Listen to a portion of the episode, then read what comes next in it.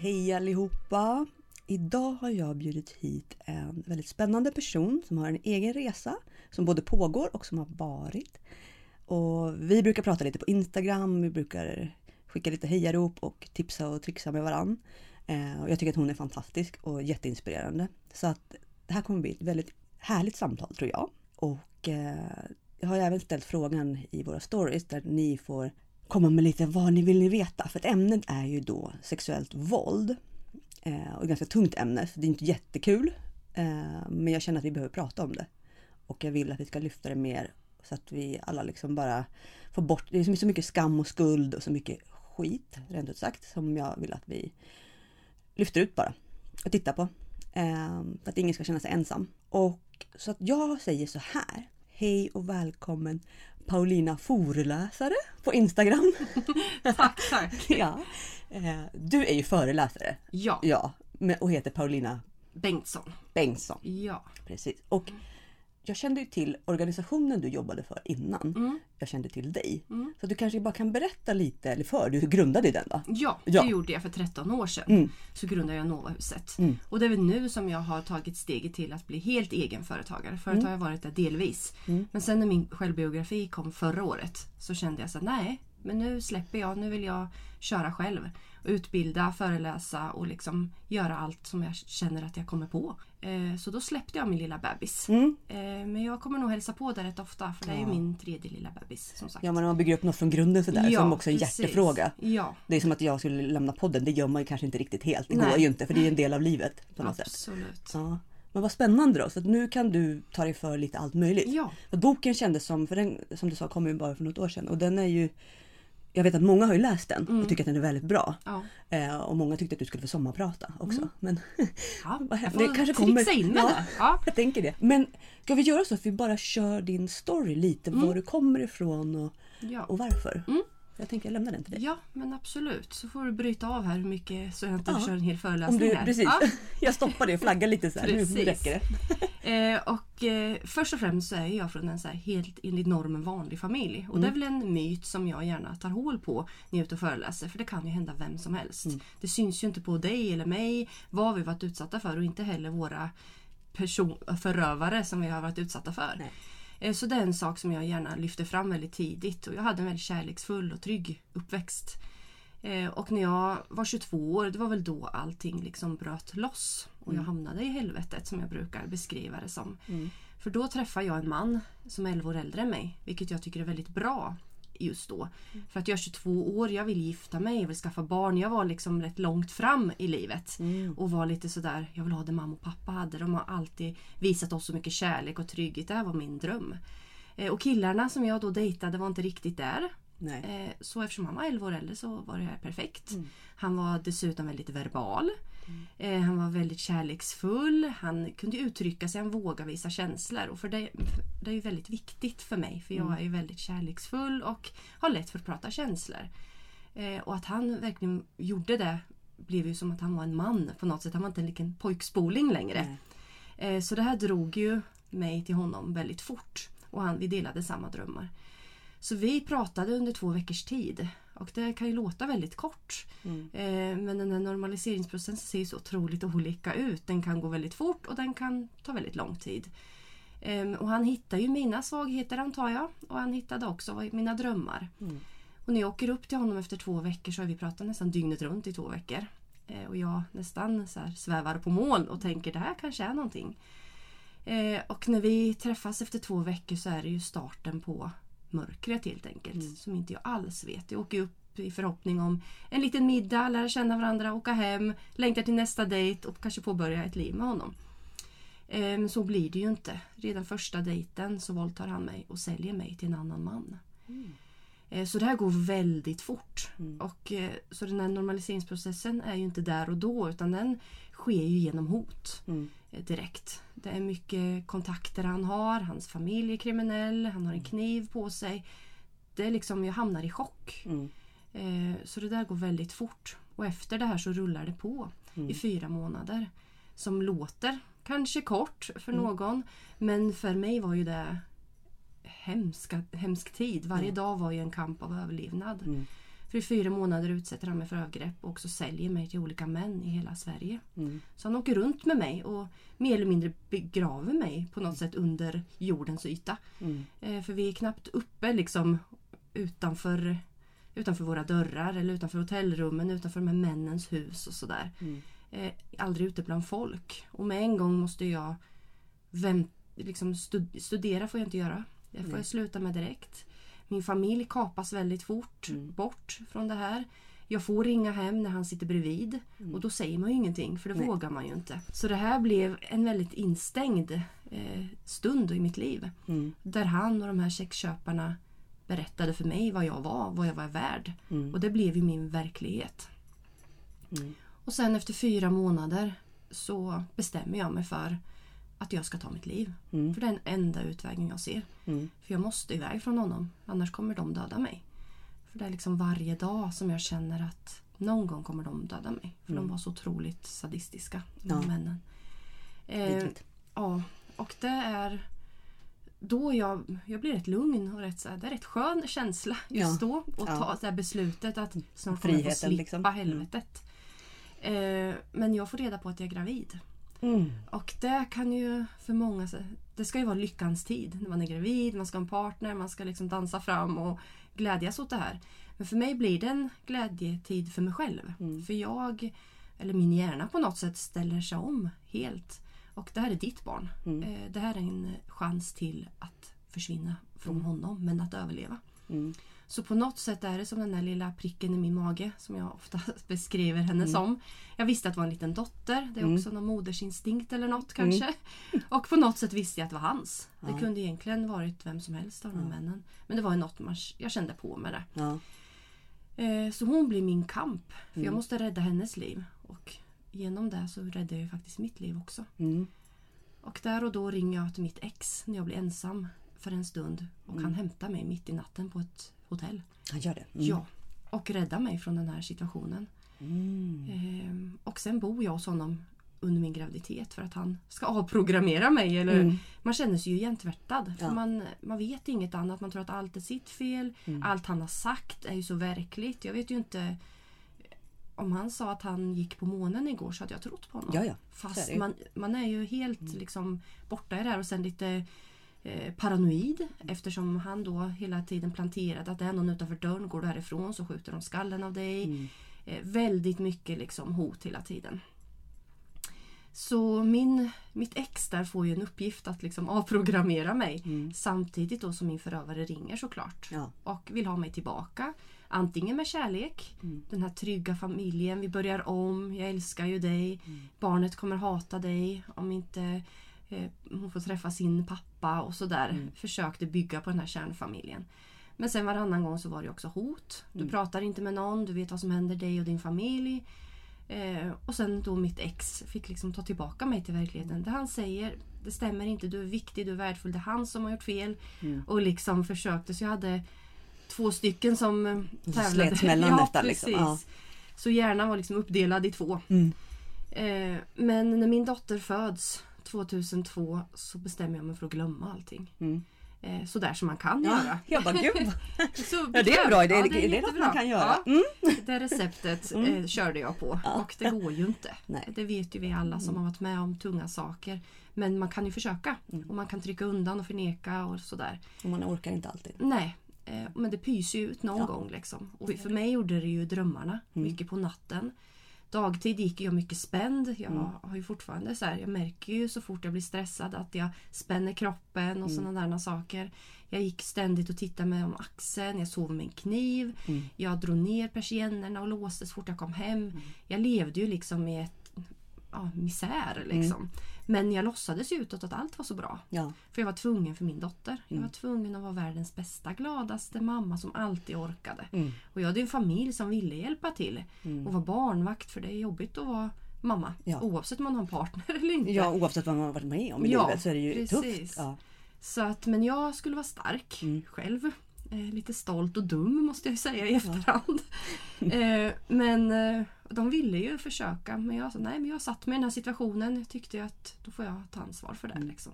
Men såklart, de fick ju hjälpa till och jag var jättetacksam Mm. över att de kunde ge min dotter en större familj. Mm. Och sen så började ju den här resan med läkning. Man försökte få hjälp. Det Mm. gick inte. Man blev inte tagen på allvar. De frågade inte rätt saker. Nej. Och efter ett år så fick jag reda på att jag hade en hemsida. Mm. Eller han hade en hemsida med mig. Mm. Med filmer och bilder. Mm. Som det är någonting som jag liksom måste acceptera eller vad man ska säga för att komma vidare. Ja. Och det är inget man bara gör. Nej. Så här, jag, det är fruktansvärt men jag Mm. måste, det finns alltid där. Någonstans kommer jag alltid finnas. Mm. Vem som helst kan titta på mig. Eh, och det har ju varit det svåraste nästan att så här, jag måste lämna det för tänker jag på det så kommer jag bli helt knäpp. Bli knäpp. Ja. Ja. Eh, och sen efter det, jag gjorde en polisanmälan som inte ledde någonstans. Nej. Eh, och efter det så får jag reda på att han är häktad för liknande brott mot en annan kvinna. Mm. Och det är då som jag känner att jag måste stötta upp henne. Mm. För två mot en är lite Ja. lättare. Ja. Vi berättar precis samma historia och liksom sådär. Och sen också för att jag kände att det var mitt fel att hon Mm. hade utsatts. Ah, Jag tog ju på mig Mm. den också. det. För det var ju Mm. också mitt fel. Mm. Det är många gånger man tar på sig hela världens Ja, ja. bekymmer. Liksom. Att hade jag bara stått på mig och gjort anmälan bättre så hade jag Mm. kanske satt dit honom och då hade inte hon blivit drabbad. Eh, Men jag anmäler och får en helt fantastisk polis. Mm. En jättebra målsägandebiträde och åklagare. Mm. Så jag benämner dem som tre vise män i min bok. Nej men gud vad härligt. Ja. Så tre gubbar i min pappas ålder Ja. tar mig under sina vingar under ett år. Mhm. Med polisförhör, tingsrätt och hovrätt. Och det är ju jättetufft att gå igenom den här Mm. tiden och titta på filmer när jag liksom blir våldtagen. Mm. Och eh, ska sitta och beskriva varför jag kanske ler eller varför jag kanske... Ja. Ah, Men ja. jag, polisen var så pass skicklig och kunnig att han också förklarade varför jag ler. Ja. Och liksom att jag ställer vissa frågor för att jag måste men jag sätt- sätter ingen skuld på det. Jag vet Nej. hur det fungerar. Och, och det var ju jätte... Visa verkligheten liksom. Ja. Mm. Det var ju jätteskönt att Mm. få det. Och han döms sen till maxstraffet 14 år. Jag gör det. Eh, Jättebra. för grovt koppleri och grova våldtäkter. Mm. Men det var filmerna som beviset som fick honom Ja, liksom. eh, den andra kvinnan hade ju mer fysiska skador Mm. eftersom det var nyligen. Mina var ju mer själsliga. Ja. Så det var ju stödbevisningen för mig. Jag hade pratat med någon psykolog, jag hade pratat med mitt ex. Mm. Jag hade skrivit lite dagbok Mm. eh, och sen den här filmen. Som då blev både det bästa och värsta beviset på något Ja. sätt. Så det var ju att vi hade två trovärdiga historier helt Mm. enkelt. Som det gick hela vägen. Eh, Men det brukar ju vara lite svajigt med det där. Väldigt svajigt. Mm. Och också ord mot ord Mm. eftersom det är ofta är med någon man känner. Det är Mm. ofta kanske inte dokumenterat.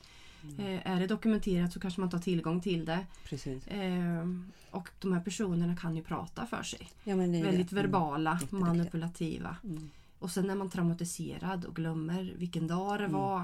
Man är ju rörig. Ja, och allt flyter ju gärna ihop. Ja, precis. Även om man, har man varit med, liksom, som jag var med i 11 år, så Mm. blev det liksom... Jag minns ju inte om det var sju, sjunde året eller om Nej. det var tionde året. Det är bara så här... Hände. Man, Mm. man minns ju inte riktigt. Nej, Det, precis. det är väl det som är... Och som du säger, när man är traumatiserad så hjärnan, Mm. den är ju inte där. Nej. Ja, men så då, då fick ni honom fälld. Ja. Så han sitter inne nu? Nej, Nej? han är fri. Eh, Han var fri åren. 2014. Ja, men, mm. Eh, men han häktad igen Jaha, nu. det går bra nu? Ja, för liknande brott. Såklart. Såklart. Mm. Så att eh, det känns inte så bra. Eh, dels att han... Vi fick ju honom fälld. Jag, halva mig hade ju såklart önskat. Det här är liksom en liten smäll. Mm. Att han... Det här får man inte göra, det är inte okej, jag ska aldrig Mm. göra om det. Men samtidigt så vet man ju också med de som har psykopatiska drag. Mm. De förstår ju inte, de har ingen själv liksom, insikt. Eh, så det, men hela tiden har jag ändå hoppats. Mm. För att ingen annan ska bli drabbad. Mm. Och nu sitter han häktad sedan nyår. Mm. Och förhandlingarna ska väl dras igång här snart. Och jag hoppas ju att sanningen kommer fram där. Och, Ja, och man önskar ju att, ja men kan man äh, heter det, ge dem hårdare straff som återfallsbrytare. Liksom. För det är ju, alltså USA kommer de inte ut, men här kommer Nej. de ut igen. Det kan Ja. gå ett år, det kan gå... precis. Och det är det som är svårt när man har liksom de här psykopatiska dragen också. Att man kanske ska vara på rätt psyk Ja, på ett sätt. För där blir man fri när man faktiskt visar på ja förbättring. och det de, gör man inte. De gör ju ofta Nej. inte det. Då kommer de inte ut. Nej, precis. Och, eh, Men många sitter ju i fängelse Mm. istället. Och där, de vill ju inte ha vård för de är ju oskyldiga. Mm. Eh, det är en annan sak att vårda någon som faktiskt har en insikt och som känner att jag har gjort fel. Mm. Då kan det ju fungera med de här programmen som faktiskt kriminalvården har. Mm. Men i vissa fall så måste ju faktiskt politiker tänka över vad gör vi med de som inte har någon insikt som kommer efter man blir fri göra om det här. Liksom. Mm. Ja, men för deras verklighet är ju inte densamma som den vi lever i. Men Nej. de är ju så övertygade om att det är den sanna verkligheten. Mm. Så att för dem så blir det ju inte svårt att ljuga eller svårt Nej. att manipulera. För att de är så övertygade om att men det här är ju rimligt. Verkligen. Så att, ja. Men okej, så nu är han ute. Men det finns ändå, han är ändå häktad igen. Ja, Ja. Vi får hoppas verkligen att han oh, åker på röven och fastnar där inne. Alltså Mm. det är ju hemskt. Men hur känner du då liksom när du får, liksom höra det här? Nu har ju, han kom ju ut och sen så hade, du- släppte du boken. Hur, liksom, hur kändes det? Mm. Nej, men jag levde ju skyddad i flera år. Mm. Eh, också för jag gick ju med den här rädslan och jag visste inte vilka han kände och inte. För man, han har ju målat upp en bild av att han känner alla gangsters i hela världen. Och alla poliser, åklagare Mm, och man ja, ja. går ju på allt. Ja. Min kände Eh, HA och min kände ja. polisen också. Ja men båda jättebra. Två. Ja. Jättebra. Mm. Och där tänker jag att hade de fått veta det hade inte de varit jättepoppis hos dem. Nej. Eh, så att, för det var mycket sådana här Mm. eh, MC-klubbar Mm. och det var liksom vapen och det var, han åkte förbi vissa gårdar med stängsel och så att de var där inne. Eh, men jag tror att det var en helt vanlig gård liksom. Eh, viltstängsel för djuren ungefär. Bara manipulation. Så, ja. Mm. Eh, så att ehm, Ja, Så du, du levde liksom under pressen och kände liksom att jag måste ändå jobba med det här. För Ja. du tog dig sen vidare. Hur, Mm. liksom, hur gick tankarna då? Eh, ja, efter, jag, efter ett tag så kände jag så nej, jag tänker inte vara skyddad längre. Eh, jag övervägde väl att prata med polisen och lite så att nej, eh, han, han, han kommer nog inte ta kontakt med mig. Och jag Nej. kände att jag ska leva mitt liv. Han har förstört så många år. Nu räcker det. Mm. Så jag kom till den här och det var ju inte något jag bara kom till. Det har ju tagit många år. Det är först bara nu några år senare som jag kan ha fullvärdigt sex eller vad man ska Ja, säga. ja, och, liksom, Mm. och lita på någon och säga det där vill inte jag och vara rätt tuff och så Mm. stark igen som jag var innan. Mm. Det har ju tagit väldigt många år att liksom hitta den platsen igen. Mm. Eh, Men jag kände också att när jag kom till den här punkten att det här ska inte bara vara de här åren av skit i mitt liv. Men Jag måste göra något bra av det. Mm. Eh, och det var då jag kände att 2008 att jag ska hjälpa andra. Mm. Och då startade jag Novahuset. Mm. Och jobbade där i 13 år med att hjälpa utsatta, jobba förebyggande i skolor, utbilda verksamma, Mm. prata med politiker och liksom lyfta frågor som var viktiga för mig. Men det har du gjort väldigt bra. Jag Ja. För man känner ju jag till det liksom. det. Ja. Ja, superhero. Men vad, vad fint ändå att du, liksom, att du vände det. Mm. För det är oftast det man behöver hitta. Det är kanske svårt att hitta en mening i vissa saker. Mm. Men ett syfte där man verkligen säger okej jag kan använda den här Mm. skiten och hjälpa andra. ja, precis. Det blir liksom en läkning Ja. fast man parallellt jobbar med sig själv. Mm, Det kan vara det är tungt. så himla Men, dubbla känslor för jag är Mm. otroligt tacksam för min dotter. mm, Och det, jag hade ju inte haft henne utan honom. Och det är också en dubbelhet som Mm. är svår att liksom förklara. mm, Eh, för det är ju många så här att nej men det är klart man gör abort när man blir våldtagen. Men hon var rädd, min räddning. ja, Eh, och jag tänker det är så olika fall till fall och det är så lätt att vara dömande och sätta sig in i andra situationer utan att man... Ja, ja, och det är många som skriver och berättar just om det när det kommer till barnen. Att Mm. vissa tycker det är extremt jobbigt för att de ser likheterna. De Ja. ser förövarens drag och den, mm, att det blir en trigger. Men samtidigt så älskar de det här barnet Ja, över allt annat. Så det är liksom en, ett sår man får Mm. leva med. Men också att kärleken till barnet är så mm, viktigt att det spelar ingen roll. nej. Och där tänker jag man det är så viktigt att prata om den här Mm. mammarollen. Och, liksom, och jag har ju alltid försökt, min dotter har ju världens finaste, hon har ju så Angelina Jolie-mun. Ja. Och du ser, det har ju inte jag då. Nej. Jag har en liten eh, smal mun. Eh, och Så jag då vet du ju att det inte ja, är då är din. inte min. Eh, och hon har alltid liksom mer lik honom. Och jag har Mm. ju sagt att du har fått hans två fantastiska drag. Det var att han kunde sjunga väldigt bra Mm. och sen att han hade en fan, fin mun. Mm. Och liksom försökt att liksom... Det har ju han har ju också självklart bra sidor. Ja, men så är det ju. Mm. Man är ju inte helt... Det finns alltid något att hitta. Mm. Och sen också den här empatin. Mm. Att du har empati för människor, du bryr dig om andra. Eh, Och miljön gör ju så otroligt mycket. Ja. Även om gener såklart, man sitter, sitter spår Mm. av personer i en. Men det är ändå miljön som gör Mm. mycket. Definitivt. Och de, de säger ju det att skulle barnet till exempel säga att de är dunderpsykopat Mm. så kan man fortfarande lära, inspirera Mm. och driva dem till en annan verklighet precis. där de fortfarande inte behöver bli våldsamma, Mm. sadistiska, vidriga. Nej, precis. Ser man men- det tidigt så Ja. tänker jag att och eftersom man är normal själv, Ja. så pass normal som man kan vara. Ja. eh, så tänker jag att jag också man ser sidor som man också då hade sökt hjälp för. Eller Precis. liksom sådär. Som jag tänker att inte då hans mamma kanske gjorde för honom. Precis. För jag tänker att han någonstans måste ju någon ha sett våra Mm. män här ute.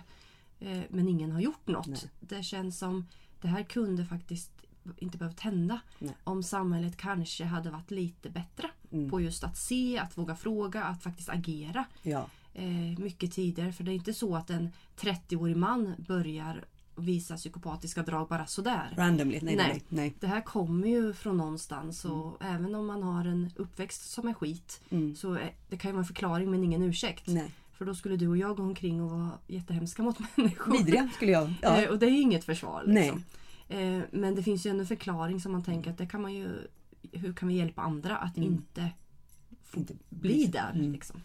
För jag tror det är också väldigt viktigt att man vågar prata om just, just när det gäller barn och liksom allt som är runt omkring. För jag Mm. kan ju känna att mina barn triggar mig extremt mycket när de vill ha saker hela tiden. Mm. För jag känner att de är precis som honom. Mm. Som när, här om natten, då, då var min son, han var ju så himla trött men han var liksom ja, bara överallt och ingenstans. Och jag var ju, mådde ganska dåligt just den dagen, det var ingen Mm. bra dag. Och så känner jag så här, men okej men jag kanske ska klia honom på ryggen. Bara Mm. han somnar till lite. Vi lyssnade på Mm. lite saga, det var mörkt i rummet. Och när jag ligger där och kliar på honom så känner jag det att det här gjorde jag i 11 år på en Mm. vuxen människa. För Jag skulle- lugna liksom. Ja, hela tiden skulle jag ligga och klia honom på ryggen tills han somnade. För att han kunde inte sova annars. Mm. Han, han, kliade aldrig mig på ryggen. Men sen, man kan tycka det, så, men det är väl ing, ja, är det att bry sig om? Men det var så, han tog ju aldrig Mm. mig som jag ville eller Mm. behövde. Han gjorde aldrig någonting för att hjälpa mig om jag var trött och inte kunde somna eller hade Mm. orolig. Men jag skulle alltid liksom Mm. göra Bara allting. hela- jag, jag liksom. Precis. Och då känner jag det när jag ligger där med min son och bara Åh, nu hamnar jag i det här läget. Jag mår inte bra nu. Men vad gör jag? Jo, men jag vill ändå fortsätta. Jag vill hjälpa honom. Mm. För jag kan inte låta det. Men det är det att när man ser förövaren i de här Mm. situationerna, man känner igen sig själv, ångesten kommer. Och så här, Mm. Det här är fan inte okej. Nej. Jag är här med mitt barn. Mm. Man får dåligt samvete Ja. mot barnen. Liksom, att man kan bli arg på dem och barn är ju rätt egoistiska. Mm. Och det, är det, som, det, ju, ja, det triggar ju mig Mm. också, de här lögnerna. Mm. Det är ju någonting som jag har jättesvårt för. Mm. Lögner, det är liksom hellre, hur hemsk sanningen än är, säg den. Ja, Men barn manipulerar och de Mm. ljuger och jag blir ju, det triggar ju mig Mm. något oerhört. Mm. Mina är liksom 19 och 15. Ja. Det är ju liksom också den här tiden man inte berättar allt för sina föräldrar och jag blir liksom stressad Mm. och ja, och det är nu man kanske dejtar och man är ute i Ja. världen och ska träffa en partner och man ska ha sex och man, Ja. allt det här liksom som, som vi ändå pratar om men som också kan trigga igång. Eh, Så där, Ja, ja. ja, men det är en tuff resa. Så att det, ja. man blir ju heller aldrig riktigt kanske fri från det. Nej. Men man måste försöka hantera det lite som du är inne på. att Du vill ändå hitta att det här var min dotter, det här är liksom en fantastisk sak som har hänt mig. Mm. Hon är det bästa liksom. Även beroende på, även, eller oavsett var hon kommer Mm. ifrån. Liksom, att det, man hittar det fina i det. Mm. Men samtidigt så blir man ju påmind. Ja. Och det är väl det som, det är ju våran curse som vi Ja. måste jobba med bara. ja. Men, men du som sagt, du skrev den här boken. Mm. Och det gjorde du bara för... Du började du för Ja. några år sedan och hållit på som terapi eller har du bara så här, Jag dig ner tänkte och bara för körde? många år sedan, Ja. det är så här, kanske tio år sedan, att Ja. någon gång vill jag skriva en bok. Mm. Men jag kände nog inte att jag var redo då. Nej. Och nu kände jag att jag är på en plats i livet där jag mår bra, jag är trygg, jag vet vad jag gör när jag har dåliga dagar, jag vet vad jag gör när triggersen kommer. Mm. Och då kanske jag är redo att skriva om det för det Mm. kommer ju triggas igång. Mm. Jag kommer ju behöva gå ner till botten av det mörkaste. Mm. Eh, så jag tänkte att det var en bra plats. Att just då, då var jag liksom också, det kunde bli lite hoppfullt. Mm. Annars hade det nog blivit bara mörkt. Mm. Och hade man läst min, den är ju grov ett tag. Mm. Men den blir också hoppfullare med tiden. Mm. Och jag tänkte att det var viktigt för mig att Visst, jag har varit med om det här. Det har varit helskotta med allting. Men idag mår jag bra. Det funkar. Jag, jag, kan, jag skrattar och jag Mm. har, har ett bra liv. Och det var väldigt viktigt för mig. Mm. Att det har inte tagit över utan du har faktiskt Nej. kunnat gå vidare Mm. med det här. Lite revansch mot Mm. honom. Här är jag idag. Mm. Du, kan, du har inte förstört mig. Nej, Eh, lite så jag visa. tror det är en viktig Ja. känsla att få. Ja. I och med att man känner att man blir, man blir man förgörs ju nästan totalt av de här män- människorna. Mm. Att då hitta tillbaka till sig själv och bara säga nej men jag är, jag är bra Mm. och jag kan det här. Och jag, liksom, jag tror det är en väldigt viktig och många sitter ju i den här i det här mörkret just nu och de skriver till podden och de är Mm. liksom de vet inte riktigt hur de ska orka. För det är ju Nej. det också, man blir ju väldigt s- psykiskt söndersmulad. Ja. Man Och blir ger ju upp trött många liksom. gånger Ja, på vägen. Liksom. och så svårt att se att det finns någonting där borta. Mm. Ehm, men det är väl där jag har ju känt också, att jag också har skrivit en bok som kommer till våren. Mm. Men det är också det här det tog ju mig, alltså jag höll på i fem år med den här Ja. boken. Jag skrev och sen la jag ner den, skrev och la ner den. Alltså Mm. jag, det var så jobbigt. Ehm, men samtidigt så kom jag på saker med tiden och Mm. det var väldigt läkande. Mm. Så jag brukar ändå rekommendera folk att bara, även om du inte skriver en bok och publicerar, bara Mm. Skriv av sig. ja, skriv eller prata in sån här röstmemo. Vad som helst. Bara du liksom, drar det några varv för din egen hjärna. Mm. Och liksom även, liksom, podden har ju också varit väldigt läkande för att jag har kunnat prata och sätta ord och även lyssna på Mm. andra som säger, som när du berättade, så du skulle ju kunna träffat min. För Mm. det var ju precis samma, det började på Ja. samma sätt. De här två veckor vi pratade dygnet runt, sen träffas Mm. vi han, ja, han flyttade hem till mig efter fyra veckor. Mm. Det Det går ju så otroligt fort. Ja, men- puff, puff, ja. puff. Alltså, och då, då man inser att det är ju inte mig, utan det är ett beteende de har. De gör så här. Mm. Och sen är det ju olika nivåer av vidrighet. Mm. Och det är olika nivåer i helvetet. Men man är Ja, fortfarande i precis. helvetet. Ja. Och också att sätta skulden rätt. För Mm. det är ju inte ditt fel att du har varit utsatt och inte mitt. Men det är lättare att se någon annan. Ja. Och är det inte ditt fel då är det nog inte mitt heller. Nej. Och det är likadant som man skriver. Att ta Mm. med sig, det gör jag ofta när jag går ut och går. Mm. Antingen skriver på mobilen eller tar med mig ett litet papper Ja. och bara skriver av mig hur jag känner. Mm. Man kan bara kasta det sen om det är så men det är skönt att få ur det från liksom Kunna titta lite på kroppen. det och bara... Ja. Ja. Och Mm, sätta viktigt. ord på det. Och ju mer man skrev i boken var det också så här, men gud vad så jäkla dum i huvudet han var. Ja. Det var inte alls mitt fel. Nej. Ja men så att det kommer och att på så sätt är det ju läkande när Mm. man liksom skriver om det. Ja, men- och just när sätta liksom sig på det. utifrån liksom. Eller som en bästa vän. Mm. Vad hade jag sagt till mig själv? Ja. Ja, inte att du fick skylla dig själv i alla fall. Nej. Så att Nej, det var sin någon- egen bästa vän. Det är, Ja, och det, och det är jätteviktigt. För det Ja. var ju någon efter Nyhetsmorgon som, jag jag la upp det på podden också, eller Mm. på stories. Och bara, någon som tyckte att ja, men om man är 19 och träffar en 37-åring får man ju skylla sig själv. Lite så. mm, Och då återigen, det är så här, men nu har jag pratat med så många. mm, Och, jag, och då Linda också som startade podden med, hon Mm. träffade också honom men hon var ju Ja. 37 eller vad hon nu var, det är alltid oklart. Mm. Men hon var ju typ 37 eller 39. Eh, och hon hade dessutom jobbat med kvinnofrågor. mm. Så att Det spelar ingen roll. det spelar väl ingen roll. Alltså det är så här, Mm. Ja, men nej. det är ju många starka kvinnor. Det är inte de här myten, här svaga. Nej. Alltså, det är ju helt vanliga människor som Ja. du och jag. Liksom. Det, Jag, jag stod ju på en scen i Las Vegas med typ 4000 frisörer och stod och hade värsta presentationen och var jättecool från Sverige. mm, Och superstarka bakom, kvinnor. Liksom. ja, och bakom backstage står den där jävla galningen, rent ut sagt. Och visst, han har liksom pushat mig dit. Mm, Men jag har också stått där själv och det var liksom jag i min person. Men samtidigt Mm.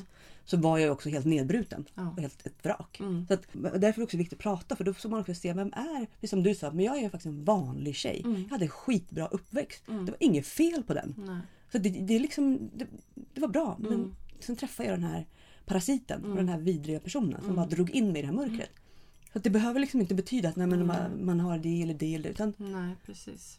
Att det liksom finns, det, det kan vara verkligen vem som Mm. helst. Om du kanske inte är psykopat brukar vi säga. Ja, För de brukar, Mm. ja, de brukar inte bli drabbade av varandra i alla Nej. fall. Men, men borde det. man, man hoppas ju egentligen att Mm. ja. Det som du har fokuserat lite på är ju också det sexuella våldet. Mm, Och det är ju väldigt tungt. ja, Jag tycker det är vidrigt. Ehm, och jag har ju övergreppshistorik från barndomen. Så Mm. jag tycker det är vidrigt på så många plan. mm, Men samtidigt så vet jag också att det är så himla viktigt Mm. att lyfta det. Mm. För det är som ett mörkt hål så man vill Mm. bara gå runt det. mm, Men nu bara, så nu går vi in och jag tänker att följarna har ju ställt lite frågor som vi också ska ta upp. Eh, men också att vi fokuserar på att man faktiskt kan må bra. Det är som du säger, bara, men jag kan faktiskt ha sex idag och det känns bra. Mm. Visst, man kan ha stunder, det kan vara Mm. hit och dit, men att man ändå kan känna att ja, men, jag kom dit.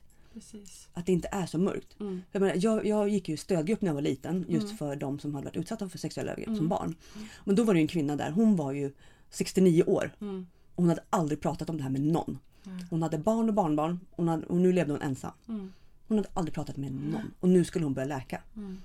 Hon var 69 år. Ja, Och hon, sa, hon var avundsjuk på mig för att jag var 18 då och Mm, hade börjat dra i det här. Och sen träffade jag ju en psykopat, det kunde inte hon veta Mm, ett halvår mm, senare. Men i alla fall. Mm, Så att jag, jag tänker att det finns så många där ute som bara Alltså de, är så, de är så värda att få ha både ett sexliv, att ha, hitta en partner igen. Mm. Och det är så mycket rädslor. Och jag förstår att man är livrädd för att Mm. träffa folk, att man är livrädd för att öppna sig.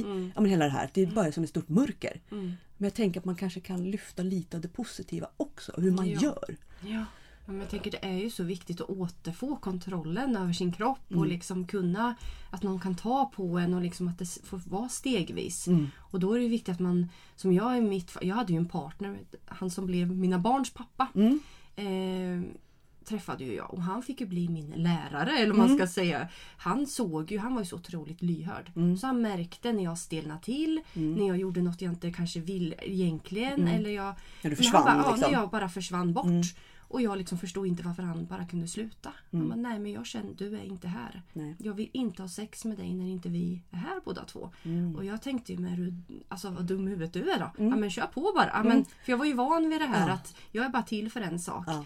Men det fick ju mig också att förstå att jag hade ju rätt att säga nej. Det spelar ingen roll hur långt det har gått. Mm. Nej. Hur, när, när jag säger stopp, jag vill inte. Mm. Och också så här, vad vill jag? Vad tycker jag om? Vad får du göra? Vad får du säga? Vad får du inte göra? Mm. Och liksom ha ett öppet klimat och kunna prata om det. Och verkligen kunna känna efter ja, också. och sex är så mycket. Alltså, Mm. och man kan ju bara ligga och mysa. Alltså, det är ju jättehärligt att ta det stegvis. Mm. Eh, Men också både våga säga nej men också våga säga ja. Mm. För det är ju lite den här myten att alla som har varit utsatta för sexuellt våld ska alltid vara förstörda ungefär. Ja, det går inte Den- att fixa på nej, något sätt. Det är Mm. liksom, då blir det ju en skuld och skam när man faktiskt börjar njuta av sex Mm. man vill ha sex. För då är det så här, men det du varit med om var nog inte så farligt då. Mm. Att samhället precis. säger det här liksom till en. Och det är ju också någonting som är jättehemskt. Det är så vidrigt. Ja. Det Eh, är ändå liksom Sex ska ju vara till för vår njutning och absolut Mm. fortplantning. Men Mm. om man bara ser det som att det ska ju vara någonting som du gör för att må bra. ja. Och för att vi har ju ändå en kropp som kan bli, reagera helt märkligt och bara börja få spasmer. Och ja, bli, gud ja. men just bara kunna få en orgasm och sexuell upphetsning. Alltså det är ju det är egentligen helt sjukt att man kan det. Ja. För vi hade ju kanske inte, vi behöver väl inte det egentligen tänker jag. För att Nej, egentligen inte. vi, vi, det kommer ju ingenting Nej, från oss. Killarna behöver det för att det ska liksom Mm. bli spermier och och komma ut och in i oss och så vidare. Men så att det är ju bara fantastiskt att Mm. vi kan ha det. För det är ju som ett Precis. inneboende knark om man Mm. vill. Om man vill se det så. Ja, det är en dålig liknelse men du förstår vad jag menar. Ja. Så att, men det här blir så mycket som blir ju så förstört. mycket liksom, Ja. när man har sex. Mm. Det är ju också därför i början, det kan ju hända fortfarande att jag kan börja gråta Mm. när jag har haft sex. Ja. Och det är ju många som säger, men varför gråter jag efter sex? Ja, men det är, man öppnar ju sitt innersta för någon. Och man kanske vågar släppa och Mm. liksom och då kan det bara komma tårar första gången. Men, nej men varför gråter du? Har jag gjort något fel? Nej, det var bara helt fantastiskt. Mm. Ja, man blir så överrumplad Ja, av känslorna. precis. Ja. Att, att jag, ork, jag var här och nu. Mm. Och det var, blir så här, oj vad stort. Mm. Han har inte tagit det här. Han, Nej. jag vägrar liksom. Mm. Men det är också något som vården och barnmorskor, alla som man möter, man pratar ju inte om det. Mm. Nej. Eh, likadant hos polisen och frågorna. Mm. För psykiska och fysiska våldet känns lite lättare att fråga om. Mm. Även om det kan vara svårt för många. Men det sexuella, Mm. det är för intimt. För man kan inte ens prata om när sex är nice. Nej, Eh, och hur ska man då fråga när det inte är det? nej. Och, så man får ingen hjälp att komma vidare heller. Att när någon har varit utsatt, men hur fungerar ditt sexliv? Mm. Antingen för i mitt fall, jag hade sex med väldigt många efteråt. Mm. Bara för att det var enda jag dög till. Ja. Ville någon gå hem med mig så följde jag efter. Mm. Eh, fast jag inte ville egentligen. Sen dagen efter kände jag ju jätteångest. Mm. Men det var ju liksom, jag är någon just Ja. där och då. Och någon vill ha mig och det är det enda jag kan. Mm. Ehm, men ingen har frågat liksom hur det fungerar. Så det är något jag har fått söka hjälp med själv. Mm. Och som tur hade jag en partner som man kunde liksom testa med och Mm. liksom prata med och så. Så det måste ju samhället och alla som jobbar med de här frågorna verkligen våga fråga kring. Mm. Även om man inte är expert på just de sexuella bitarna kan man ändå fråga. Som när man frågar ja, men vad väger du? Hur motionerar Ja. du? Röker du? Har du ett fungerande sexliv? Mm. Sen har man inte det. fråga. Liksom. Ja, och då kan man kanske hänvisa vidare att Mm. jag tycker du ska prata med den här personen som kan det lite bättre än mig. Men man kan ändå vara en första Mm. hjälp. att Men det här är inte ditt fel. Som att liksom, Vill du ha sex så ska du självklart få Ja. hjälp med det. Ja, just att det, som säger, att det är ens eget val. Vill man inte ha det, då behöver man Nej. inte det. Utan att det är liksom det ska komma från dig och Mm. inte på grund av någon annan. Nej, som du väljer precis. bort eller som du säger, du som kanske då gjorde åt andra hållet Mm. för att få bekräftelsen. Ja. Och det, och det är ju sån här dra gränserna, säga nej Mm. och känna efter och bara verkligen ligga där och känna efter vad vill jag här och Mm. nu? Är det här någonting jag vill? Mm. Eller gör jag det här? Och det får jag ju höra väldigt ofta i podden också, många som Mm. hör av sig just om det här att de, Mm. man, man bara man blir som en robot till Mm. slut för att överleva. Ja. Och då och sen blir det också ju i liksom... förhållande, att man Ja. ställer upp. För Mm. det ingår i ett förhållande. Mm. Men det är, jag skulle inte vilja ha sex med din partner om Mm. inte eh, man vill. Alltså det är Nej. någonting som ska ske i samtycke. Det ska vara kul, det ska vara skönt, det ska vara bra för alla inblandade. Men, Ja, och det är ett gemensamt något ansvar också. Mm. För det var ju väldigt tydligt ty- ty- tyckte jag i relationen som jag hade med min förövare. För att han, I och med att jag hade hjäl- eller sår från barndomen så, Mm. så kände jag att jag behövde just den här lyhördheten och det Mm. var mycket den typen av... Men det fick jag ju inte för att han, Nej. det var ju handlade bara om honom. Mm. Så då blev ju traumat bara fortsätter. Ja. Och så blir det en annan typ av eh, övergrepp. Mm. Och, och det var hela tiden han som sa att det här, det här måste du fixa. Det är ditt, Mm. ditt ansvar att fixa Mm. det för det är du som har problem. Mm. Och jag gick ju i terapi Mm. för det och försökte liksom gå på olika stödgrupper och försökte liksom Mm. specialister hit och dit. Och... Men de kan ju inte hoppa ner i sängen med mig. Nej. Det är ju ändå en själv i slutändan som måste Ja. göra jobbet. Och man måste ju Mm. liksom tillsammans med sin partner bygga upp en tillit och Precis. sluta bygga på övergreppen Mm, och ta, bara fortsätta. Ja. Så att för mig så vart det ju inte liksom, det vart ju aldrig bra. Eh, och där som har varit de sista åren som jag verkligen så här, jag måste hitta tillbaka. Mm. Och det tar ju tid som Ja. du säger, det är ju svårt. Eh, men att behålla öppenheten och försöka vad kan man göra? Vem ska man prata med? För jag säger, ska man prata med en sexolog? Mm. Bara så här, vem ska man... Ja. Var börjar man? Jag vet ja, inte liksom. precis. Nej, men jag tänker sexolog, det finns ju inte heller överallt. Det är helt beroende på vart man bor i landet. Så där ser det ut också med både stöd och bra poliser eller Ja. vad det kan vara. Helt beroende på vart man bor. Mm, Vilken hjälp man får. mm. För går man till vårdcentralen är det inte alltid säkert att de kan det här. Och så där, så att det, Och det känns som att de kan inte så väldigt mycket av det här som de inte kan överhuvudtaget också. Det känns som att Ja, mycket... många gånger man gick dit och sa att man hade lite tryck över bröstet, man ont i magen, man sov inte. Och då Mm. fick man ångestmedicin eller sömnmedel. Inte så här, är det någonting som händer i ditt liv? Eller Nej. drömmer du om något speciellt? Har någonting hänt? Mm. Har, någonting, har någon gjort något? Mm. Inga sådana Nej. som jag känner, men det är väl rätt självklart. Mm. Att man frågar även om man inte är en psykoterapeut eller vad man kan vara. Att Liksom. man kanske behöver gräva djupare i varför det här Ja. händer. Inte bara nu trycker vi bort Nej, symptomen med lite medicin. symptomen är ju det som mång- många söker för. Mm. Och där måste man ju bara ta tag i det. När man Mm. väl söker så ska man få hjälp. Ja, men, och det är väl det som jag tycker är viktigt att man verkligen liksom försöker sprida kunskapen om det och försöker visa hur det kan fungera, hur Mm. det kan vara när man blir drabbad. Det har liksom varit mitt livsmission. Och jag tänker vi kan ju ta lite frågor som vi hade Mm. från följarna. Ja. kan vi göra. Jag ska bara ta min telefon. Ja, jag har ju, frågade ju då i stories vad, vi skulle, vad de skulle vilja veta om sexuellt våld. Ja. Och en skrev och frågade om det här osynliga våldet. Mm. Eh, det som man blir lärd att är normalt. För att det känns som att många utsätts för en viss typ av sexuellt våld även i hyfsat sunda relationer. Mm. Just för att man liksom, alltså som hon skrev här, som att vakna av att någon har sex med mig. Mm. Eller liksom att man liksom har det här att det är lite okej. Mm. Fast det egentligen inte är det. Nej. För att strukturen i samhället har sett ut så här att vi har ju lite den här könsmaktsordningen och allt Ja. vad det nu heter. Så eh, Och också det här med att man ställer upp i ett förhållande. För att göra, ja men nu var det länge sedan. mm, Eller nu passar vi på för nu sover barnen. Och var är det övergrepp och vart är det så här gråzons... ja. Liksom. Vad, hur brukar du tänka? Hur brukar du liksom när du har jobbat med det här? Men jag tänker att det är alltid upplevelsen som Mm. är ett övergrepp. Alltså när jag känner att jag, någon har tagit min kropp utan att jag vill det, gör, gör något mot min vilja så är det ett övergrepp. Mm. Sen ser ju lagen kanske på det annorlunda. Mm. Där så det beror ju helt på hur man pratar enligt lagen. Mm. Men att när någon, man vaknar av att någon har sex med det är ju ett övergrepp. Mm. Oavsett vem man är och vilken relation man har. Ja, har man inte gjort en överenskommelse om det så känns det ju Ja lite sådär. precis. Så för mig funkar det absolut inte. Nej, jag blir ju det är Alltså, det- inget samtycke liksom. Fy Sen en tusan. annan sak om man vaknar av att någon kysser en i nacken och eh, man Ja. liksom påbörjar någonting Ja. så. Att det är som att man väcker till för att Mm. jag är lite sugen på dig, du är så fin och så. Då, Ja. då, hur det nu kan vara. Ja, Eh, men att någon, man ska vakna av att man har någon i sig. Det är ju inte okej. nej. För där har man ju inte det här samtycket. Eh, så att jag tänker att känns det som ett övergrepp har man ju faktiskt rätt att också få stöd i det. Att tycka att det är det. Ja. För, för där kan det ju också vara, tänker jag också, att man att man har en partner som kanske alltså, de, de inte förstår Mm. att det inte alltid behöver handla om att de vill ha makt och kontroll Mm. utan att det kanske faktiskt handlar om att de det är ingen som har upplyst dem om Nej. att det här är fan inte okej. Nej. För att man gör så, man, kompisarna har gjort så här. Det är, Mm. liksom, det är en sån strukturell grej. Mm. Men därför känns det som att det är så viktigt att våga prata om det och inte se det också som att det är alltså, någonting som, som är, alltså, det man ska ju säga att det är fel, Mm. absolut. Men det Mm. behöver inte vara att du per automatik har en partner som är Nej. vidrig psykopat. Nej. Eh, men självklart så kan det vara någonting som ni behöver prata om. Precis. Och man behöver liksom, för det är så svårt. Jag kan tycka det är jättesvårt ibland Mm. när folk frågar så här, Men hur vet man att det är en sund relation? Det är så här, Mm. ja, men- du kan inte fråga mig. Nej. Jag vet Vad är inte. sunt för dig också? Ja. Vad vill du ha i en relation? Ja. Vad är viktigt för dig? Med respekt eller hur det Mm. liksom ska vara.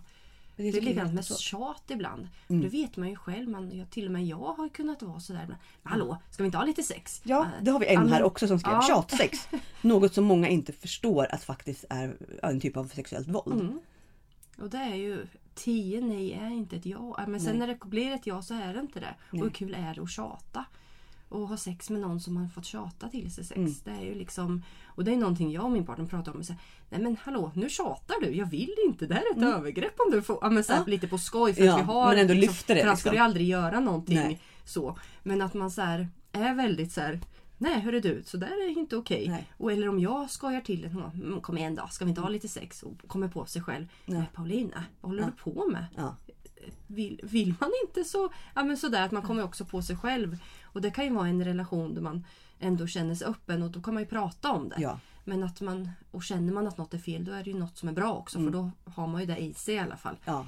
Eh, Men tjatsex liksom. är ju inte okej. Eller att man ställer upp, men du nu har jag städat hela huset. Mm. Eller du, har haft barnen här hela veckan när du har varit sjuk. Nu Mm. vill jag ha mitt ungefär. Ja. Eh, och det är ju aldrig okej. Och Det, vill, det går ju inte att liksom köpa till sig sex Nej. på det sättet. Eller liksom byteshandel. Jag har sex när jag känner för det och Ja. det ska min partner också Det är ingen betalning för Nej, någonting. Liksom. precis. Nej. Nej, för här var det en som frågade också vad som räknas som våldtäkt. Mm. För det är väl också lite... Ja men det är också väldigt, det är många som tänker att det är ute i skogen någon slår ner en och eh, har vaginalt samlag med Mm. en. Men många gånger är det ju som när vi var ute i både skolor och all stödsökande som jag har träffat. Mm. De har varit utsatta för oralsex, det är Mm. också våldtäkt. Analsex, vaginalt sex. Men också om man för in föremål Ja. i slidan eller analen. Mm. Det är också våldtäkt. Mm. Och det behöver inte ske med våld. Det är ju liksom ofta att man paralyseras. Man Mm. ligger still. Det gör ju sju av tio. Mm. För man blir så rädd och hjärnan liksom bara stänger av. Mm. Det är därför man har ofta mycket skuld och skam för att man liksom bara, man bara ligger där. Ja, varför gick jag inte därifrån? Mm. Och den frågan kan man ju få då som man absolut inte ska få. Mm. För du gjorde allt vad du kunde Mm. I din makt. Liksom. Mm. Och vad hade hänt om du hade slagit, liksom, Mm. det kan ju bli ännu värre. Så det gör man ju för att skydda sig själv. Hundar spelar ju döda när Ja. de blir rädda. Eh, men eh, Mm. så det här är ju våldtäktsbegrepp kan ju ske i ett förhållande utan våld. Ja, för vi hade en som faktiskt frågade just om det här, vad som händer fysiskt och psykiskt med kroppen när man är med om sexuellt våld. Mm. Ja, för, För den tänker jag också är viktig. För det är också, även om det är frä- främst tjejer som Mm. blir våldtagna så finns det ju killar. De kan ju få stånd och utlösning. mm. Och det är ju också väldigt mycket skuld och skam i Mm. de känslorna. Och tjejer kan bli våta, de kan få orgasm. Mm. Eh, Och det är också någonting som man säger, fast då ville ju du det här, då njöt du. Mm. Men kroppen är ju inte tillsammans. Mm. Man kan ta på en person tills det går för den. Mm. Om man gör på rätt sätt. Ja. Eh, och kroppen reagerar på beröring, så är det ju. Men huvudet kan skrika nej. Mm. Eh, Men många gånger låser sig ju kroppen när man blir Mm. liksom överrumplad eller Mm. någon går över sina gränser och att man stelnar till. Mm. Det är det vanligaste. Sen Mm. finns det ju de som slår sig, liksom, slår sig loss eller liksom går in i någon annan så här, men jag måste spela för att Ja. få det här överstökat så fort som möjligt. Men Mm. det vanligaste är att man bara paralyseras helt Ja. enkelt. Det är jätteintressant. Det var en som skrev varför fattar man inte att man faktiskt blir utsatt för sexuellt våld? Det tänker jag är Ja. rätt svårt. För vi har olika myter som säger det och vi har samhället som pratar om hela tiden hur det ska vara och det ska inte vara. Vi har normer och attityder som skadar. Liksom. Mm. Och det är så svårt att inse när man har en relation till exempel. Att Mm. förstå att det går faktiskt att vara utsatt för övergrepp i en relation. Mm. Och det behöver inte bara vara våld ute i skogen eller liksom Nej. sådär. Eh, Så jag tror att det är väldigt svårt för vi pratar inte om det. Nej. eh, Som vi gör nu. Mm. Eh, Man pratar inte om det för, i skolan. När vi har varit nere i fyran och pratat. Många har ju varit utsatta. Vi mötte upp många där som vi hittar som varit utsatta både online och offline. Ja. Eh, också det här med nätet. Att samma regler gäller på nätet. Får du en dickpic är inte det okej. Nej. Eh, måste du föra upp föremål i din slida eh, på webcamen, det är inte okej. Det är Nej. våldtäkt via nätet. Liksom. Eh, och många, det är mycket som inte barn eller vuxna har kunskap om. För vi pratar inte om det. Och hur ska vi då veta? ja. Man tänker att det ska väl bara vara så. Ja, Ja, och det är väl det jag känner. Eh, för att många som sagt lever i de här relationerna och även har med sig det som du säger från barnen. Att barn, barndomen när man, liksom, man kanske blev tassad på i skolan. Det var liksom okej, alla skrattade, det var lite kul. Alla tjejer blev utsatta för hit och dit. mm, Och då flyttas ju det där. Liksom, så- Men helt ärligt, det är inte okej att någon tar dig på rumpan när du går ut på en nattklubb. Eller som du säger att någon skickar en dickpic till dig. För det är liksom, du har inte bett om den. nej. Det är väl, Och det är men också miljön. Ja. Eller så här, olika miljöer. Skulle jag stå i bankomatkön eller ICA-kön och någon skulle komma fram och ratta tag i mina tuttar. Mm. Ja. Mm. Då hade jag sett det som ett övergrepp. Men ute på krogen så är ju många säger att det är sånt man får ta. Ja. Men det är inte okej bara för att det är på krogen. nej, men det är helt vidrigt. Så att man, Eh. man, precis som säger, man normaliserar det också. Ja, och likadant i skolan med barn. Att lärarna liksom ibland, ja men det är så där killar är. Mm. Fast nej, de flesta killarna är helt vettiga och Mm. jättebra. Det här måste vi sätta stopp för annars kommer den här personen göra samma sak men ännu värre Ja, framöver. och tro att det är okej. Ja. För att det här är lite kul, det är som Ja. man är. Och det tänker jag också som vi föräldrar. Man vill ju krama sina barn dygnet runt. Mm. Men de har ju också sin kropp och sin integritet. Att man också måste se till att blir de ste alltså man kan inte bara kramas eller liksom pussa nu mamma godnatt eller pussa morfar hejdå eller vad det kan vara. Utan så att man kan vinka. Man behöver inte vara fysisk. Nej. För går vi över gränsen så lär de sig också det. Mm. Att ja, men det är ingen som har sett över mina gränser. Då kan andra få Mm. nyttja mig eller vad man ska säga. Ja, det, känns som att det har varit viktigt nu med mina söner. Att Mm. man har söner också, man blir panik bara tanken. Men, och just att, att man, när man säger stopp oavsett vad det är, att man Mm. lyssnar, respekterar och funderar. Vad är det som gör att jag inte vill nu? Vad är, Mm. det, är det inte roligt längre? Vad är det som händer i mig? Och där vet jag alltså, man oftast bara kör på. Och jag hade ju, mina föräldrar var inte så bra på alls att prata om känslor överhuvudtaget. Så att jag fick aldrig lära mig att ha några verktyg för om jag kände obehag, vad gör man då? Mm. Nej, då, bara, då flyr man i, från hjärnan och så bara blundar man och sen så är det borta.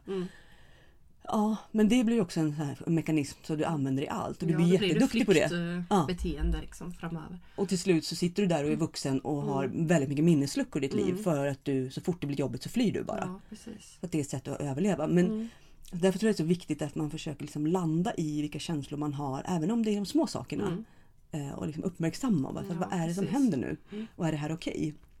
Men det blir som du säger, därför sex blir så svårt. För det är Mm. så tabu och lite så här intimt. Och det är så här, det står man inte bara prata med någon när man Nej. står och rastar hunden eller Nej. i kön på ICA. Pratar man inte så lätt Nej, och luftigt precis. om det. För det är där, vad finns det för ställen? Vad, vad känner, alltså, om man känner att man, jag behöver prata med någon, vad, vad gör man? Ja, och man, antingen kan man ju söka sig till psykiatrin. Mm. Tyvärr så är det ju väldigt lång kö många gånger. Både på BUP och vuxenpsykiatrin. Eh, många som eh, man kanske vill testa att vara anonym först. Mm. Och då finns det ju jättebra hjälp att få på mail och på chatt. Och liksom första Mm. gången kan det vara rätt skönt att få säga att man heter Anna fast man heter något helt annat. Och berätta min historia och bli faktiskt lyssnad på. För då blir det också så här, jag fick ett bra bemötande, då vågar jag gå till nästa. Mm. Som kanske då ska hjälpa mer fysiskt i, och träffas. Så jag tänker att det finns ju jättebra ställen både på Unison Mm. hemsida. Det finns ju många som är specialiserade på sexuellt våld där Novahuset är en av dem. Eh, Mm. För Novahuset kan- har vi lite mer Ja, prostitutionsbiten. de har alla sexuellt våld. Det var mer jag som jobbade med Ah. prostitution. Då fattar jag. Så där, där har de ju många som vänder sig över hela landet. Mm. Från tidig tonår till eh, upp till pensionärsålder. Ja. Det är ju alla. Vissa har aldrig pratat om det, vissa har sökt hjälp massor gånger. Inte fått hjälp. Mm. Och där har de också kunskap om Bor man i Södermanland eller Mm. Umeå och vill träffa någon sen fysiskt då kan man Ja. också förmedla för vi har mycket kontakter. För det är det man vill ha, man vill Ja. veta komma till rätt person. Precis. För det känns som att många jag- hamnar ju fel och då så stänger de dörren Mm. helt och så går det år igen innan de ens vågar prova. Så där tänker jag är jätteskönt att testa och ha Mm. kanske en mailkontakt eller sitta på chatten en stund och testa. Mm. Eh, ta med sig någon kompis annars också Mm. till någon vårdcentral eller någonting där man faktiskt säger det här har jag med mig. Jag Mm. behöver hjälp. Liksom. Mm. Så man inte är själv. För man Nej. vet ju tyvärr inte vem man träffar. Man kan ju träffa en som är jättebra på det här och får Mm. jättebra hjälp. Men får man inte det så är det skönt att ha någon där innan, och under och Mm. efter som också kan stå upp för en. Ja. För man, en annan är såhär, ja okej det finns ingen hjälp, hejdå. Nej. Så går man. Istället för någon som bara, hallå, du måste få hjälp här. Ja, För det här har det här är hänt, inte okej, det här är er liksom. skyldighet att hjälpa Mm. till. Eh, så att det kan också vara ett tips att ta Man med sig upp någon. Ja. ja. För jag har ju känt att det är väldigt, väldigt nyttigt för mig att prata med andra som har varit med om Mm. samma saker. Mm, Att man kan känna ibland att när man har vänner som inte förstår. mm, Eh, som jag har en relation med en, en, en vän nu som håller på och försöker separera och hon brukar prata med sina andra vänner. mm, Men hon säger att det som händer är att de blir bara arga på hennes kille nu mm, istället. mm. Och för att tappa fokus. Ja, och inte det bara, hon då- Nej, hon bara, då tycker jag det bara blir jobbigt att berätta för dem. Mm. Så att man behöver kanske, och har man då någon kompis som man kan prata om lite mer öppet så att man Mm. känner att man inte låser sig. Precis. Man får försöka hitta den personen. Mm. Och har man inga vänner eller Nej. familj som man känner sig trygg med. Mm. Då tycker jag man pratar, hittar en stödperson. Ja, kanske prata med precis. Novahuset eller Unison och de här. Ja, Försöka hitta någon. För jag gick också i stödgrupp på Mm. Alla Kvinnors Hus när de hade team för våldtagna. Ja. Det var ju då jag träffade Olga Mm. för första gången och vi liksom jag fick träffa andra och man bara känner igen sig. Mm. Vad skönt, du har samma känslor och du ser helt normal ut. Ja, och verkar vara helt normal ja, också. precis. Ja. Och man bara känner så här, fast det är inte ditt fel. Nej. Det var jätteskönt att träffa och det är många jourer som har, Mm. eller många kommuner som faktiskt har de här stödgrupperna. Mm. Och det är ju jätteskönt. Det är inga liksom söndriga människor som ser helt... eh, Det är bara helt vanliga människor och det är skönt Mm. att se. Ja. Ehm, Och just att det finns alla nivåer av Ja. att de jobbar med olika saker eller inte Ja. jobbar alls. Eller det finns liksom ett helt spektrum och det kan Ja. vara vem som helst. mycket är så lika. Även om Mm. någon kanske blivit tafsad på, någon har blivit utsatt som barn. Mm. Någon har blivit liksom eh, hit frakti, eh, liksom frak, vad säger man? Eh, trafikerad. Ja, med trafficking. Ja. trafficking från ett annat land. Ja. Men känslorna är ju många gånger så mycket likadant. Ja. Och såren liksom. blir samma. Och det är Så väl att, det som eh, också just att man kan titta på vad händer efteråt? Hur mår jag? Vad behöver jag jobba med? Och hur Mm. hittar jag tillbaka? Och Mm. där känner jag att de här människorna nu som känner att jag skulle vilja dejta. Mm. Men jag försöker så här, jag har försökt tänka lite i podden, hur ska vi kunna inspirera folk att våga? Samtidigt Mm. förstår jag. För det finns så mycket idioter Mm. som också kan förstöra. De behöver inte vara psykopater, de behöver inte vara narcissister. De kan bara Nej. vara De kanske inte bara förstår. Nej, de bara fattar inte och då kan de Nej. göra skada Mm. för att de är oförstående och Mm. inte liksom fattar att de skuldbelägger Mm. eller whatever. Så att, Mm. har du några så konkreta tips om man har varit med om den här typen av våld och hur man liksom ska våga eller hur man gör? Ja, jag tänker att nu är ju nätet, det är ju Mm. mycket mer vanligt än när jag var yngre. Eh, det kan ju kännas bra för en del men vissa vill ju verkligen bara träffas. Ja. Att man träffas genom bekanta som man har någon referens på. Dem. Ja, Det kan ju vara jättebra men det är inte alla som har ett, liksom, ett gäng, eh, någon som känner någon eller någon som har ett jobb som känner någon och sådär. Men eh, för jag gjorde ju också så här att man testade lite och så fick man något bakslag för att Mm. det var någon som inte kunde ta det här. Det var ingen ond människa nej. men han klarade inte av det jag varit med om. Nej. Och då var det ju inte det bra för mig. Ehm, och sen barnens pappa träff, berättade jag allting för direkt. För jag Mm. var beredd för att han kommer sticka som han, den andra hade gjort. Mm. Och då är det lika bra att säga allting direkt så han kan dra. Så jag slipper gå ner i det här känslo och bli kär och allting. Mm. Ehm, så för mig var det ju att, för jag varit väldigt jag vill att någon ska älska mig och då måste de veta allt om mig. Mm. Det har ju varit mitt sätt. Sen kan ju inte jag säga till någon annan att du måste berätta allt. Nej. Eh, Det måste man ju känna själv. Vart går min gräns? Och liksom, vad vill jag dela med mig av? Mm. Men det har ju varit väldigt skönt att någon har förstått att Mm. om jag sitter och gråter i ett hörn och jag bara säger men du vet vad det är. Mm. Då behöver man inte förklara. Nej. Eller känner jag fryser till is eller så här, då förstår man. Mm. Så det kan också vara skönt att berätta men att man gör det tillsammans eller liksom lite Mm. i taget och sådär. För mig var det nog ja, men jag måste våga för att vinna. Mm. Eh, och också då kanske vara på en trygg plats först. Om man träffas på ett fik ute på stan. Mm. Eh, eller man har en dubbeldejt. Eller Ja. liksom man gör det lite tryggare. Mm. Och kollar upp lite och sådär. För man vill ju inte skrämma folk heller. För de Nej, för de flesta tror att är är ju galen. jättebra Mm. människor. Mm. Eh, men eh, det är ju också att man kan, behöver inte berätta allt. Men jag har varit med om rätt dåliga erfarenheter av, Mm. av relationer. Så jag vill ta det lite lugnt. Ja. Eh, Man behöver inte sova hos varandra första natten. Alltså Mm. så här att man känner efter. Liksom. Sen vill man. Ja, men vi vill ligga första kvällen och det känns bra, gör det. Mm. Men att man hela tiden tänker så här, vad vill jag? Vad känns bra?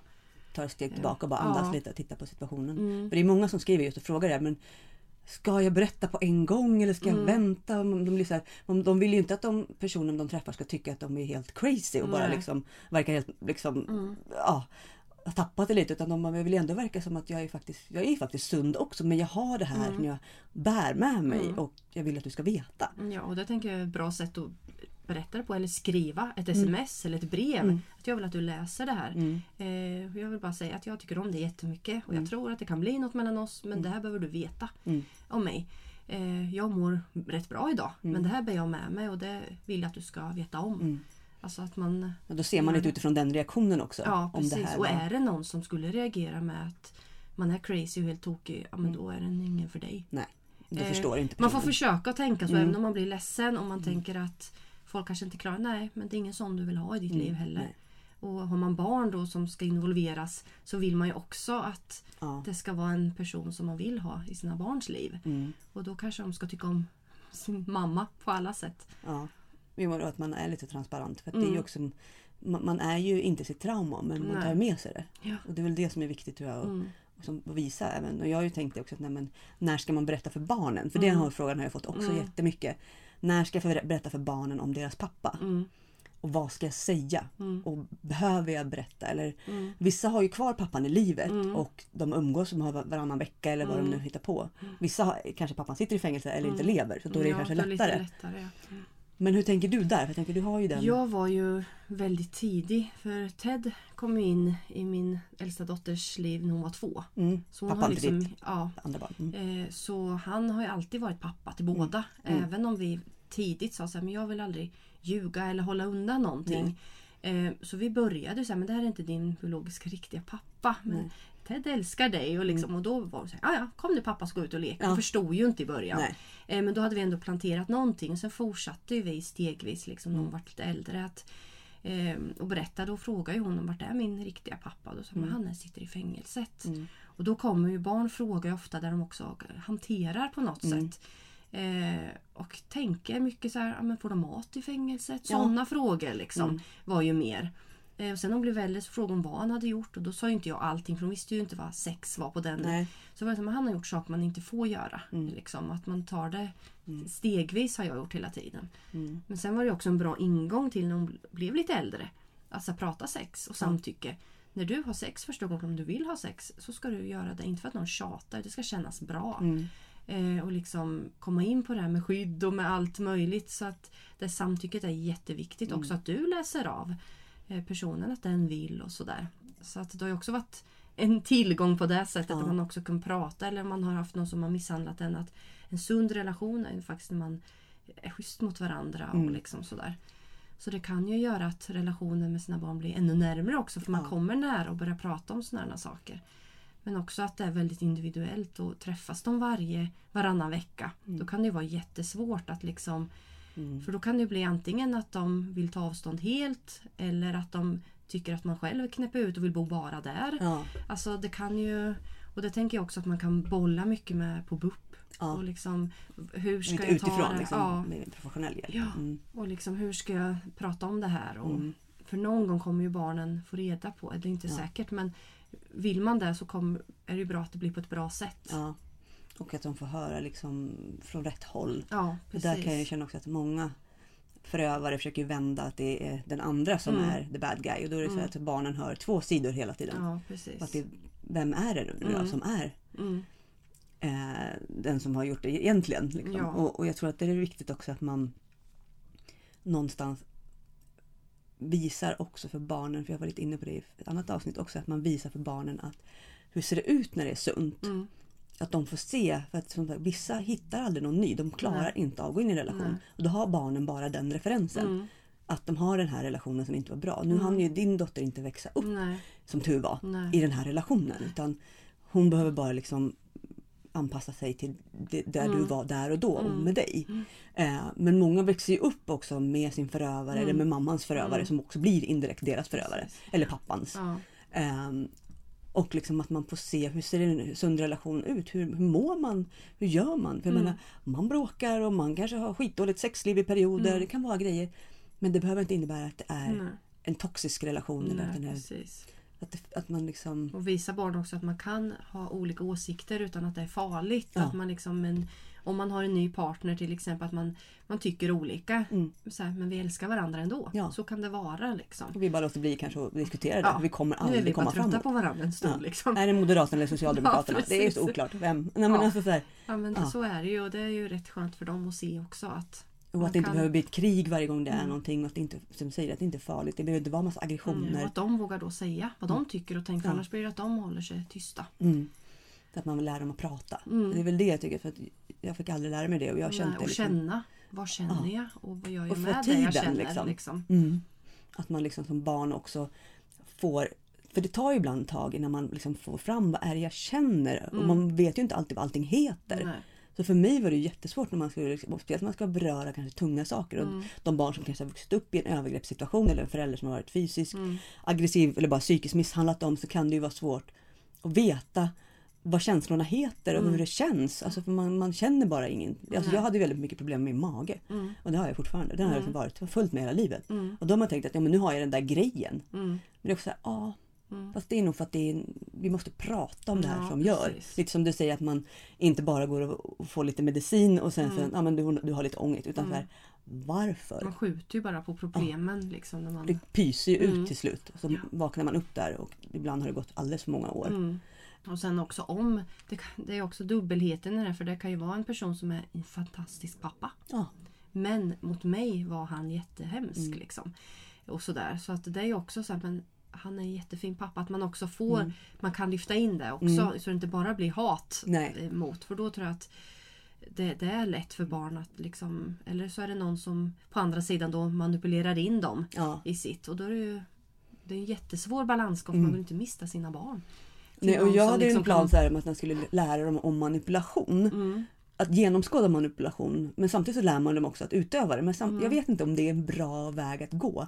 Men jag har tänkt ändå att, för att om vi pratar om manipulation så lär vi oss också när vi själva manipulerar Mm. andra omedvetet ibland. Mm. För att Mm. du vill ha en extra godis Ja. eller vara ute med din kompis senare. Ja. Men har vi pratat öppet om det så ser vi det och kan också känna in när andra försöker hålla Mm. på med det. Så jag vet inte om det, Mm. men för mig har det känts bra i magen att vara öppen Mm. om hur manipulation funkar. Mm. Eh, och för att då sen någonstans ta med barnen liksom upp i en ålder när de, typ, när de börjar kanske bli 15, 16, 17, när de börjar bli liksom så pass Ja. vuxna i hjärnan Mm, att de precis. förstår och ser och då kanske också kan hantera en Mm. förälder även om som du säger, de kan vara jättebra förälder. Mm. Men någonstans så finns det ju ändå en manipulativ sida Mm, i och med att de är först jättefantastiska mot Mm. barnen men väldigt vidrig när man Ja. är tillsammans med dem. Precis. Så att då är ju personen ändå inte helt god i alla fall. Nej. Men Ja, och jag ehm, tänker det är samtalet som är det viktigaste. Att Mm. man pratar med sina barn hela tiden. Och hur känner du? Och, mm, hur- alltså att man får känna och man får älska sin pappa även Mm. om man själv inte gör det. Mm. Och liksom att det är svårt att höra ibland. Man vill bara skaka så fast han är dum i huvudet. ja, Men det hjälper ju ingen. Nej. Och framförallt inte barnen. Liksom. Nej. Att de får en bra uppväxt och Mm. liksom känner sig trygga i vem är jag och jag säger nej och liksom sådär. Och så kan man ju också, man har ju tentaklar liksom ute hela tiden Ja. och ser om likadana drag och det är liksom så att ja man går ju med någon slags radar Ja. som jag bara analyserar. Ja, nu gör du sådär på grund av det Mm. Ja, Och så blir man någon slags hobbypsykolog på gott och ont. ja. Ehm, Ja men så att du säger ändå att man pratar om det, du pratade om det lite stegvis i alla fall. Mm. Och ni liksom, du byggde upp Mm. tills hon blev, du kände att nu, nu är hon äldre och nu kan hon förstå. ja. Det kanske blir för intimt, men, eller vad säger man, privat. Men Mm. hur känner hon idag? Liksom, vet du? Hon vill inte veta av honom. Nej, Eh, hon skulle ju aldrig liksom medverka i en podd och prata hur det hade varit. Eh, som jag bara, men gud det hade varit jätteintressant. Ja men du Ja, vet sådär. ja, ja. Mm. Eh, där blir jag egoistisk Mm. liksom. Eh, bara, men det hade varit jätteintressant att höra Mm. din. För det tror jag att många hade velat veta. Eh, men hon är ju så, jag vill inte veta om det. Eh, hon fick läsa min bok och hon sa, det här är jättebra att du gör det. Det kommer hjälpa massor. Mm. Men jag vill inte ha en del. Alltså så. Mm. Eh, och jag tror att hon har mycket obearbetat. Mm. Men Hon är nog 19. Man kan inte tvinga henne till Nej. Eh, vi pratar, vi har pratat mycket hela uppväxten. Mm. Eh, men hon... Nej, hon har sin pappa Mm. eh, i, sin, liksom, i, i han som kom in Ja. i hennes liv när hon var två. Mm. Eh, Hon sen- minns ju inte så mycket annat Nej. heller. men hon har ju frågor ibland. Ja. Eh, och då kommer hon med dem till mig. Mm. Och då svarar jag liksom. För då är det många gånger, jag vill träffa min pappa. Mm. Okej. Och då försöker jag säga, ja men jag skulle vilja att någon var med då. Mm. Eh, för att han är väldigt duktig på att prata och få, ja men jag skulle inte gå på det där. Och då Mm. blir man ju såhär, nej. Okej. absolut. Ja, eh, Mm. okej. Så. Mm. Eh, men nu har det inte varit en längtan. Men Nej. den har ju funnits liksom. Och den det är klart kommer. att alla barn undrar vart man kommer ifrån. Mm. Eh, har man någon som man inte har träffat, det är klart man undrar. Mm. Är vi lika? Va, va, varför vill inte du ha mig? Mm. Ja men sådana saker. För även om inte hon vill ha kontakt med honom så klart hon undrar varför älskar inte du ditt barn? Mm. Det är ju liksom en För han har aldrig brytt jättestor- sig om Nej, Nej. han bryr sig inte om några av sina barn. Liksom.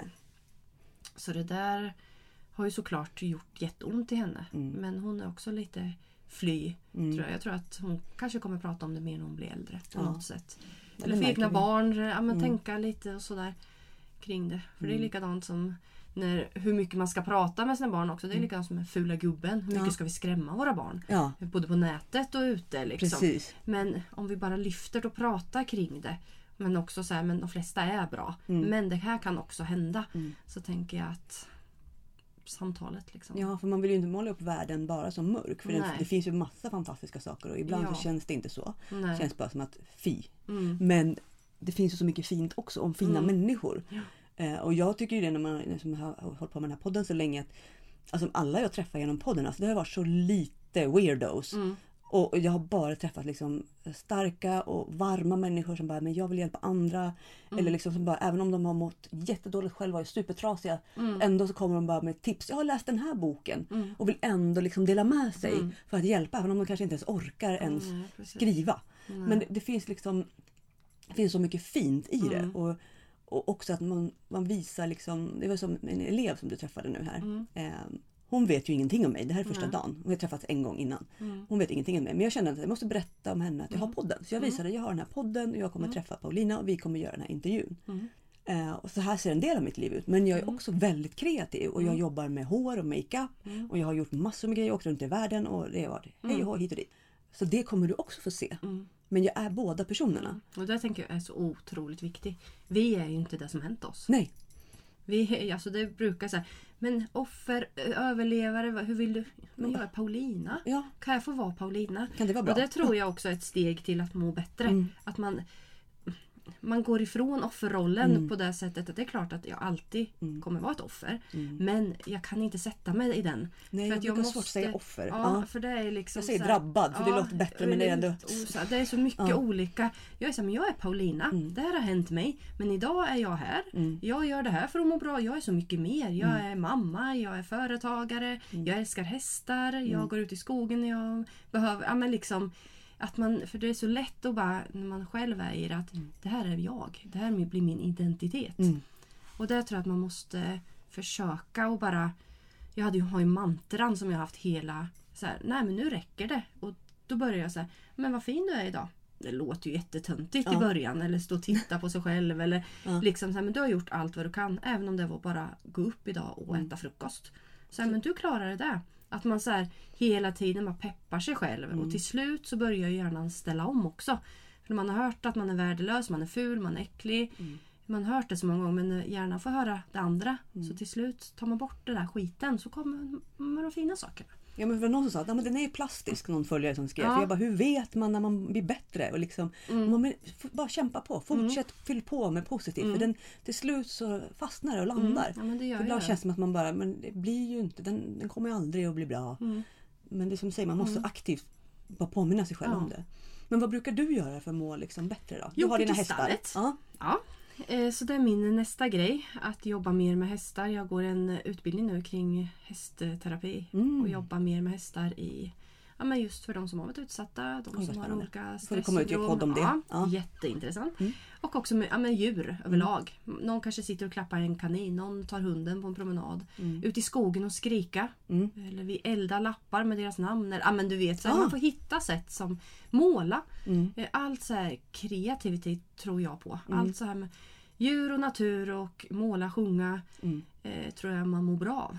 Dansa, även om man inte kan. Hoppa omkring lite Ja. för att liksom Ingen som dömer det. Liksom. Istället Nej. för alla de här tabletterna som är, alltså Mm. det är ju så, det behövs ibland Mm. en stund i livet, Mm. vissa kanske hela livet. Men det är ju inte bara det. Nej. Utan det är allt annat som jag tänker att man behöver mer av. Åker till stallet och Ja. andas. Eller sätter mig ute och tittar bara i naturen. Andas, liksom. ja. Ja. Ja. Och lyssna på fåglar. Men vara här och nu bara. Mm. Liksom.